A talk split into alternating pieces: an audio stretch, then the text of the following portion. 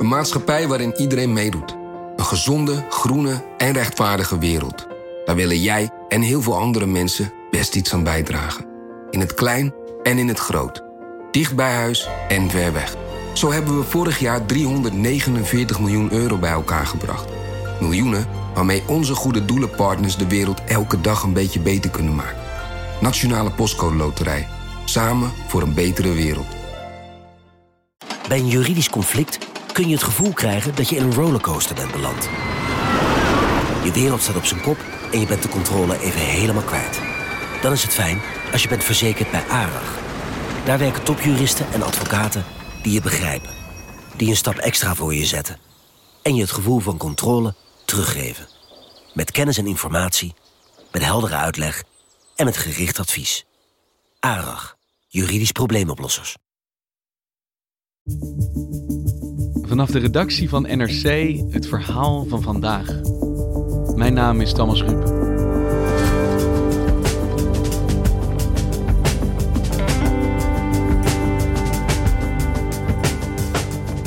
De Nederlandse missie in Mali is ten einde. Vijf jaar lang verzamelden militairen vanuit een kamp in de woestijn inlichtingen voor de VN. Maar Nederland laat een onveiliger land achter dan het aantrof. En niemand neemt de taken over. Defensieredacteur Floor Boon reisde naar Mali met de vraag: Heeft deze missie zin gehad?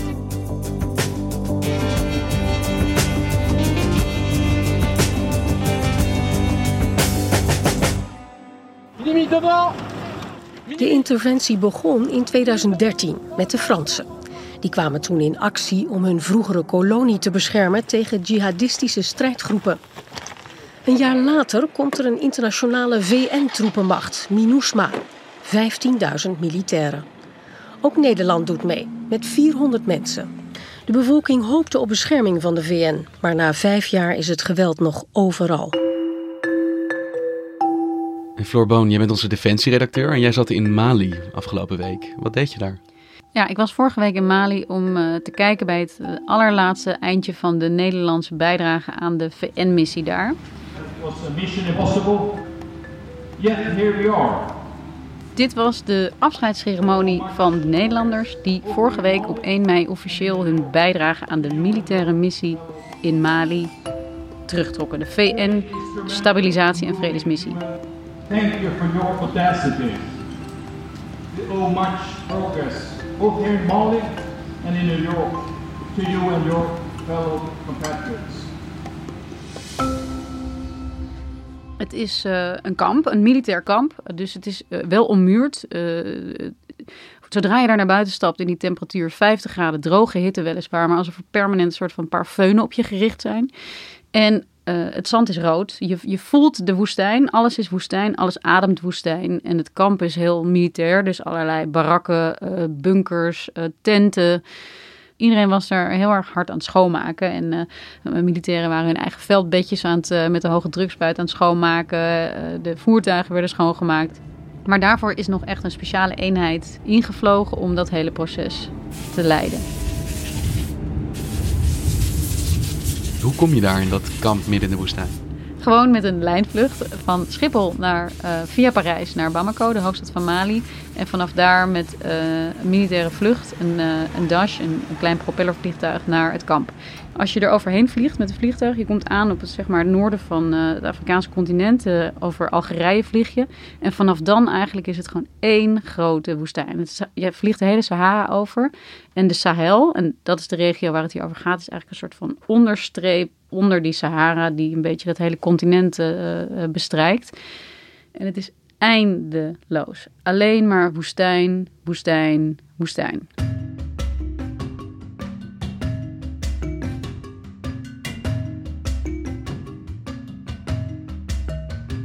En wat deed Nederland ook alweer in Mali?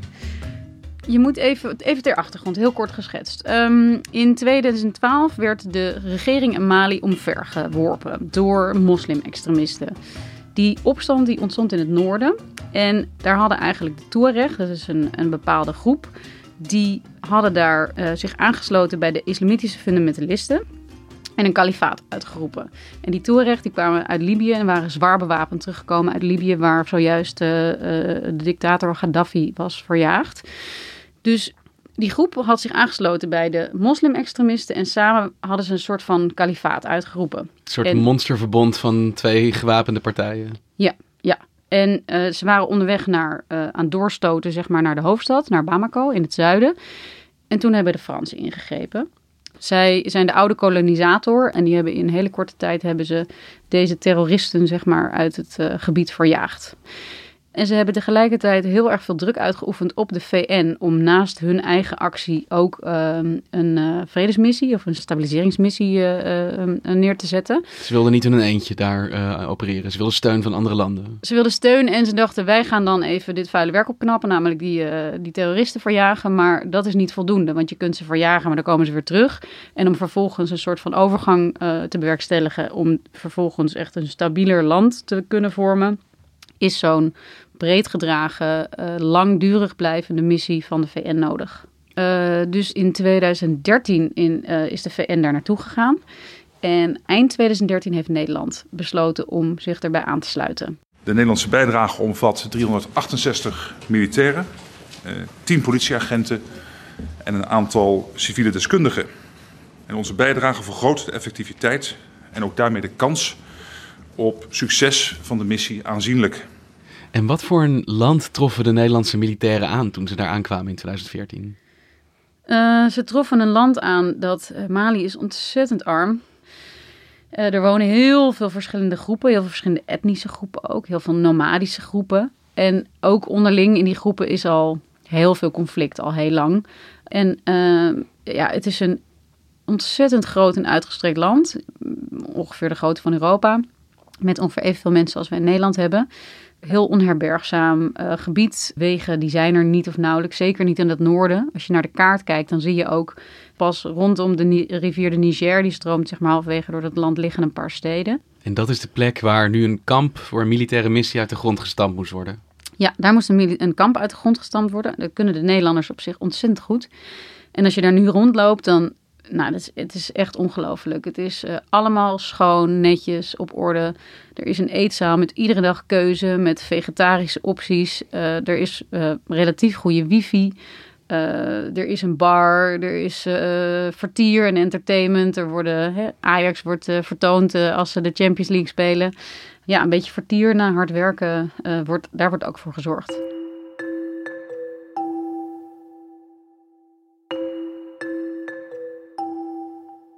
En toen moest die missie beginnen. En hoe ging dat? Wat ondernam Nederland? De rol van Nederland is geweest dat zij inlichtingen zijn gaan verzamelen. Met eigen analisten, dat liet ze allemaal analyseren. En die rapportages die gingen naar het hoofdkwartier in, de v, in Bamako van de VN waar ook anderen profijt van konden hebben. Bij inlichtingen zie ik enigszins incognito werk vormen met ja, een beetje gesmoes en her en der contacten aanknopen. Maar dat lijkt me moeilijk eh, om dat onopvallend te doen in zo'n land. Uh, nou, ik sprak ook bijvoorbeeld met uh, Bernard. En Bernard was een pelotonscommandant. Dus dat was eigenlijk iemand die mee ook met, met de poort uitging met een bepaalde groep. Uh, waarbij we in het begin echt een netwerk in kaart hebben gebracht van wijkoudsters, politiechefs. Om op een gegeven moment in de loop van de tijd, wanneer er dan een incident gebeurde, zoals een schietpartij in de stad, naar die mensen toe te gaan die daar wat van af wisten. Maar, ook dan de lokale bevolking vragen van hoe zij daarop reageerden. Wat je in Gao wel sterk zag, is dat we best wel veel ook patrouilles bij Duister hebben gedaan omdat s'nachts tussen 2 en 6 heel veel criminaliteit plaatsvindt. Zoals er overvallen, bakkers die beroofd worden. En met name door dan s'nachts te patrouilleren geef je dan toch iets terug aan de bevolking. Je zoekt je informanten. Wie hebben in welke wijk een bepaalde informatiepositie. En je vraagt aan iedereen met wie je tegenkomt, wie moeten we nog meer spreken of wie niet. Uh, hè, er werden hele netwerken, bronnennetwerken aangelegd uh, om, om een gevoel te krijgen van wat speelt hier, wat zijn de problemen, waar zijn mensen bang voor. Uh, de Nederlanders hebben een vrij eigen aanpak, de Dutch approach noemen ze het. En um, ze rijden vooral in open voertuigen, leren dat hè, op het moment dat je gesprek voert, moet je zonnebril afzetten, want dan maak je contact met iemand. Ze nemen altijd een bal mee of zo, zodat op het moment dat ze ergens zijn, dan uh, gaan ze voetballen met de kinderen. Nou, dat geeft mensen een gevoel van veiligheid of in ieder geval dat is leuk. En het heeft ook tot doel dat de kinderen dan naar die bal toe komen. En dan kunnen zij vervolgens rustig, of de andere mensen die daarvoor opgeleid zijn, specifiek praten met de ouders om inlichtingen te verzamelen. Om gewoon een praatje aan te knopen en een band op te bouwen. En de laatste roulatie die er was, die heeft een WhatsApp-nummer geïntroduceerd die heeft gezegd, ze werkt ook samen met lokale radiostations om boodschappen te verspreiden van hé, hey, we zijn de Nederlanders en we zijn hier en we zijn hier om jullie te helpen. En ze hebben dat via posters en flyers en uh, hebben ze een nummer verspreid waar mensen hun boodschappen konden achterlaten. En dat bleek echt een enorm succes. Ze kregen echt duizenden berichten. Uh, soms omdat mensen alleen maar zeiden dankjewel dat je er net was, maar ze kregen ook tips of informatie binnen. Of uh, het was eigenlijk een hele laagdrempelige manier om met veel meer mensen nog in contact te komen. En het is inlichtingen waar je de deur niet voor uit hoeft. Zeker niet. En wat we ook probeerden was, als de berichtjes binnenkwamen, werd dat gelezen en door de tolk vertaald. Probeerden we ook wel eens dan naar degene die dat bericht eh, stuurde toe te gaan. Ook een stukje wederkerigheid van, nee, kijk, we hebben jouw bericht gekregen, maar we doen er daadwerkelijk ook wat mee. Als ik me goed herinner, waren er ook Nederlandse militairen gedood in Mali, toch? Ja, er zijn uh, vier mensen uh, gesneuveld of uh, slachtoffer geworden in ieder geval. Maar dat is niet in gevechtssituaties gebeurd. Er zijn twee dodelijke ongelukken gebeurd. Eén helikopterongeluk door een technische fout in 2015. Er zijn twee militairen om het leven gekomen. En in 2016 is er een uh, mortierongeval geweest. En daarbij zijn ook twee militairen omgekomen. En dat is, uh, daarover is de Onderzoeksraad voor Veiligheid, de OVV, die heeft daar onderzoek naar gedaan. En die heeft echt een snoeihard rapport uh, daarover opgesteld. dit ging namelijk over ondeugdelijk materieel. Dit was gewoon een fout.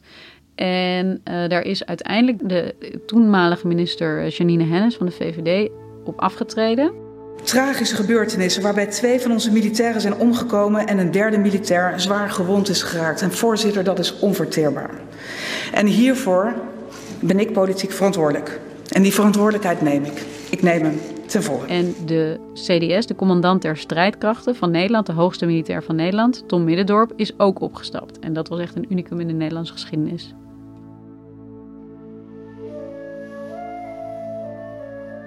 Maar het lukte dus. Dat, uh, die taak die Nederland heeft gekregen, het verzamelen van inlichtingen, dat ging goed. Ja, dat ging goed in de zin dat Nederland uh, heel veel goede informatie verzamelde en door iedereen uh, werd geprezen om ja, de goede rapportages die ze maakten. Alleen de VN kon daar niet altijd evenveel mee. De VN is een organisatie die bekend staat om zijn logheid, zijn bureaucratie, zijn stroperigheid. En je moet je voorstellen, 40 landen. En die hebben allemaal een eigen leger. Maar die kwaliteitsverschillen tussen die legers zijn ontzettend groot.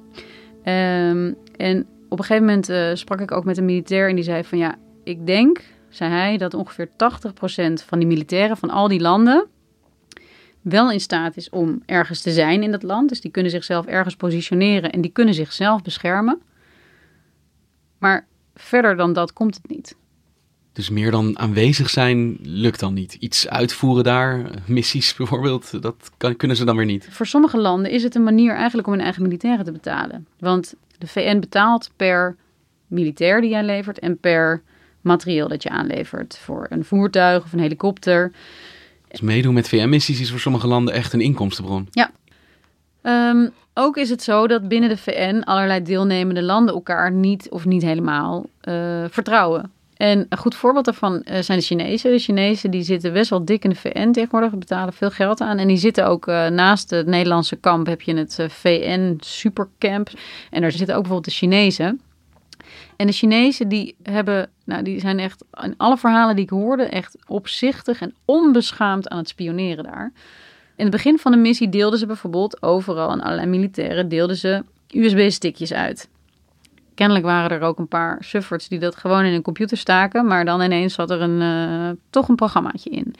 Wat ze ook doen af en toe is dat, hè, wat mensen mij vertelden, is dat er dan af en toe ineens een supergoed signaal wifi-netwerk oppopt midden in de woestijn, onbeveiligd. En ja, als je er dan op inlogt, dan krijgt China toegang tot jouw telefoon of je computer waarvan je dat doet. En misschien wel het meest uh, openlijk brutale vond ik nog wel dat de Chinezen hebben in dat supercamp ook een, uh, een, een ziekenhuis. Daar doen Nederlanders overigens, ze gaan liever naar de Fransen, die hebben dat ook.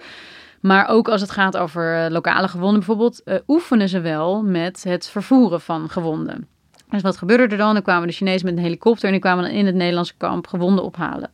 Nou, iedereen uh, helemaal mee in het spel. Er waren mensen die speelden gewonden, zeg maar, acteurs. En um, de helikopter ging open en er kwam een Chinees uit. En in plaats van dat hij naar de gewonden toe rende, begon hij gewoon met een camera als een gek foto's te maken van iedereen. Dus zeg maar openlijk, onbeschaamd de boel spioneren.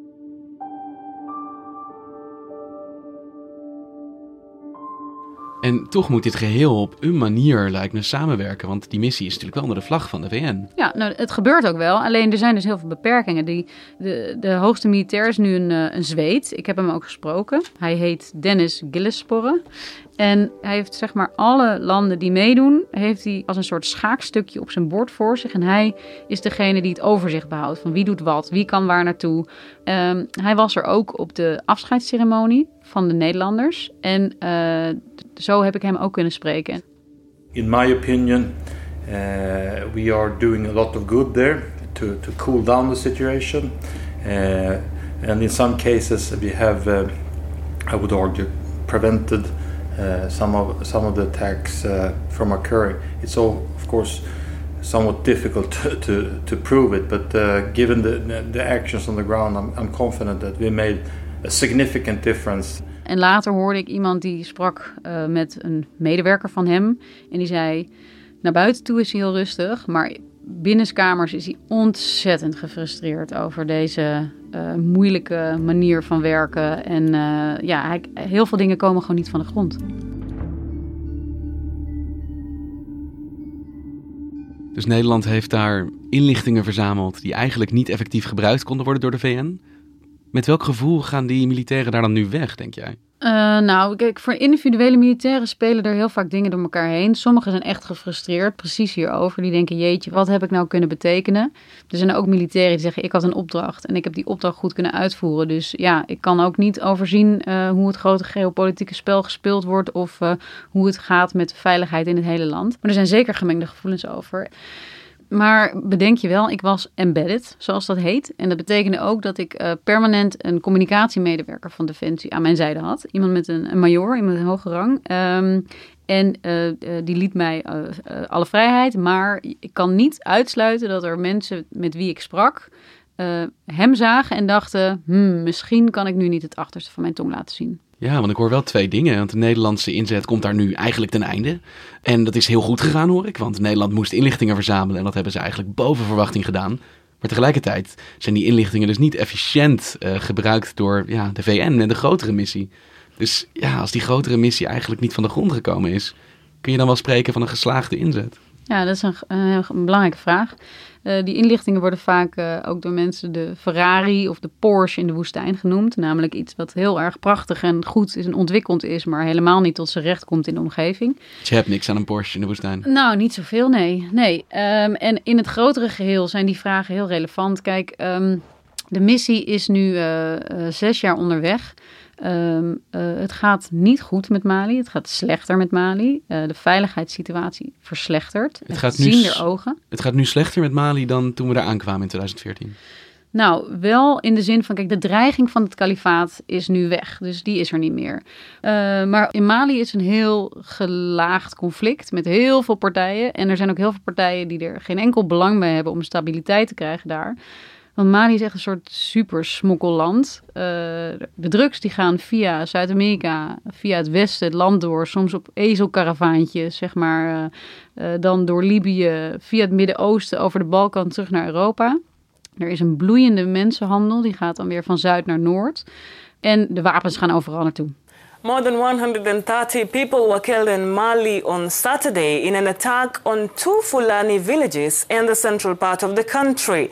Armed men disguised as traditional hunters attacked the villages of Ogosagu and Welingara, where dozens were left injured. Eind maart is er een, een, een enorme slachtpartij geweest in een dorp in het centrum van het land. Uh, daarbij zijn nou, ruim 130 doden gevallen. En Uh, dat was wel voor, voor de Malinese, zoals één iemand tegen mij zei, echt een elektroshock. Want dat bepaalde groepen dus met elkaar in conflict zijn, dat gebeurt al langer. Maar dat er zoveel doden vallen, dat is echt heel nieuw. Ja, dus de VN heeft met zijn aanwezigheid niet kunnen voorkomen dat deze massale slagpartij daar uh, plaatsvond. Nee. De VN zegt, dit ligt niet in ons precieze mandaat. Je kunt ons hier niet voor verantwoordelijk houden. Maar de Malinezen kijken daar wel anders naar. Die denken, uh, oké, we zijn zes jaar verder, jullie zijn hier uh, al zes jaar, maar het geweld is opgeleid en nu zijn jullie er en kunnen jullie zoiets niet voorkomen. Wat doen jullie hier eigenlijk nog? Maar dat is wel een legitieme vraag, denk ik. Dat is een hele legitieme vraag, ja, zeker. En heb jij daar in de vijf dagen dat je daar rondliep een antwoord op kunnen vinden? Nee, ik durf dat echt niet te zeggen. Nee, ik durf dat niet te zeggen. Um, maar ik durf wel te zeggen dat uh, de, de sentimenten van de Malinese wel uh, steeds minder positief ten opzichte van de VN beginnen te worden. En dat er steeds meer partijen zijn die zich afvragen van... wat bereiken we hier nou eigenlijk? Dankjewel, Floor. Je luisterde naar Vandaag, een podcast van NRC. Eén verhaal, elke dag. Dit was Vandaag, morgen weer.